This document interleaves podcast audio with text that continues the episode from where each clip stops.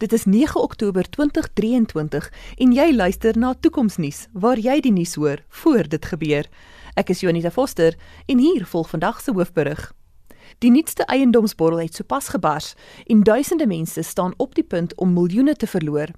Die eiendomsineenstorting het egter nie in die tasbare wêreld afgespeel nie, maar in die virtuele wêreld van Next Life. Die groei van die virtuele eiendomme en artefakte het dramaties toegeneem met die grootskaalse aanvaarding van virtuele realiteit brille. Die eiendomsineenstorting gaan egter nie net spekulante raak nie, maar ook die persone wat 'n lewe daaruit maak om virtuele meubels en toebehore vir die virtuele huise te maak.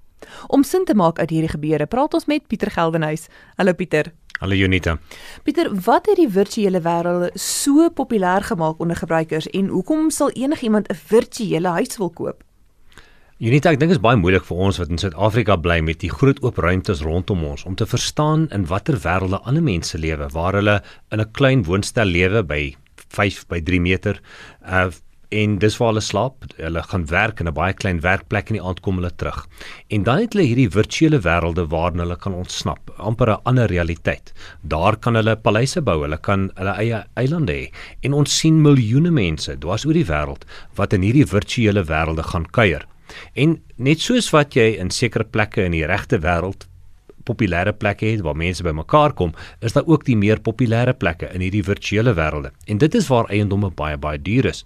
Wat ons ook begin sien het, is dat sekere argitekte virtuele huise gaan bou in hierdie virtuele wêreld en dan mense wat werklike huise wil bou uitnooi na hierdie virtuele wêreld toe om te wys hoe hierdie huise lyk. Uh, jy kan dan 'n idee kry van wat die vloei van die huis is, hoe dit lyk en jy kan selfs van jou vriende oornooi en vra om veranderinge aan die beplanning van die huis te doen wat baie goedkoper is as om veranderinge te maak nadat die huis gebou is. En ons het gesien dat 'n geweldige klomp mense dus eiendomme gekoop het. Eerstens om dan dit te gebruik in die werklike wêreld maar ook vir advertering, vir die onthaal van ander mense binne in die virtuele wêreld waar jy hulle onthaal.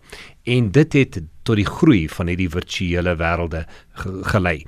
As ons kyk na een van die ander wêrelde, 'n wêreld met die naam Second Life, het hy selfs in 2018 'n omset van 500 miljoen dollar per jaar gehad. En dit is die waarde van hierdie virtuele wêrelde. Ons het egter gesien dat geweldig baie mense uh geld ingestoot het binne in hierdie virtuele eiendomme. En soos met alle nuwe dinge, het ons 'n borrel gesien waar mense eenvoudig te veel betaal het vir hierdie virtuele geboue. Daar is dan ook sprake dat persone wat virtuele artefakte en meubels en klere vervaardig het, ehm um, wat hulle inkomste daai het gemaak het, hierdie inkomste nou kan verloor. Wat is jou kommentaar oor hierdie nuus? Jy sal dit nie glo nie, maar so lank terug soos 2007 was daar 'n hele paar individue wat 'n lewe daar uitgemaak het om stoele en banke te maak vir hierdie virtuele huise. En dan kan jy dit eenvoudig koop. Nou, dit vat jou baie keer 'n dag of 2 om 'n eie stoel te ontwerp en binne in hierdie virtuele huis te sit of vir 2 of 3 dollar kan jy 'n eenvoudige stoel aankoop. Uh baie keer het van die werklike vervaardigers Eh, die virtuele stoele ook beskikbaar gemaak sodat jy kon sien of hierdie stoel werklik in jou huis gaan pas of nie wat ook weer eens maak baie goedkoper is om van 'n virtuele stoel ontslae te raak as 'n werklike stoel. So ons het geweldige insaag gehad binne in die veranderinge van ons werklike lewe in hierdie virtuele wêrelde. En 'n hele klomp mense het nie net klere vir jou avatare gemaak nie, maar ook toerusting vir jou huis en ook ander elemente binne in hierdie virtuele wêreld.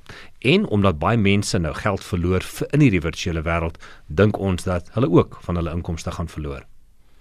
Hoekom het mense aanvanklik begin om te belê in virtuele eiendom as 'n nuwe beleggingsklas? Net soos met Bitcoin 'n hele paar jaar terug was dit 'n nuwe beleggingsklas omdat mense dit gebruik en daar's skaarsheid daar agter. In sekere areas was daar baie groter skaarsheid waar mense bymekaar kom en jy kan hierdie virtuele eiendom gebruik om mense te beïnvloed vir advertering en daar's 'n sekere status daarin gekoppel om sekere eiendom op sekere plekke te hê. En presies dieselfde het gebeur in virtuele wêrelde. En soos mense maar spekuleer in eiendom, het hulle ook gespekuleer in virtuele eiendom. Ongelukkig het hulle regte geld verloor. Dankie Pieter. Sekere spekulante het aangedui dat hulle bereid is om die eiendomme in die mees populêre areas oor te koop. Daar is nou ook nou heelwat spesiale aanbiedinge op ontwerpersklere en meubelstukke. As jy dus van hierdie groot prysverlagings gebruik wil maak, is nou 'n goeie tyd om die virtuele wêreldmark te betree. Dit was Pieter Geldenhuys en Jonita Foster vir Toekomsnuus, waar ons die moontlikhede van die toekoms ondersoek. Vir meer inligting oor vandag se episode en ook ander tegnologieverwikkelinge, volg gerus die Toekomsnuus Facebookblad.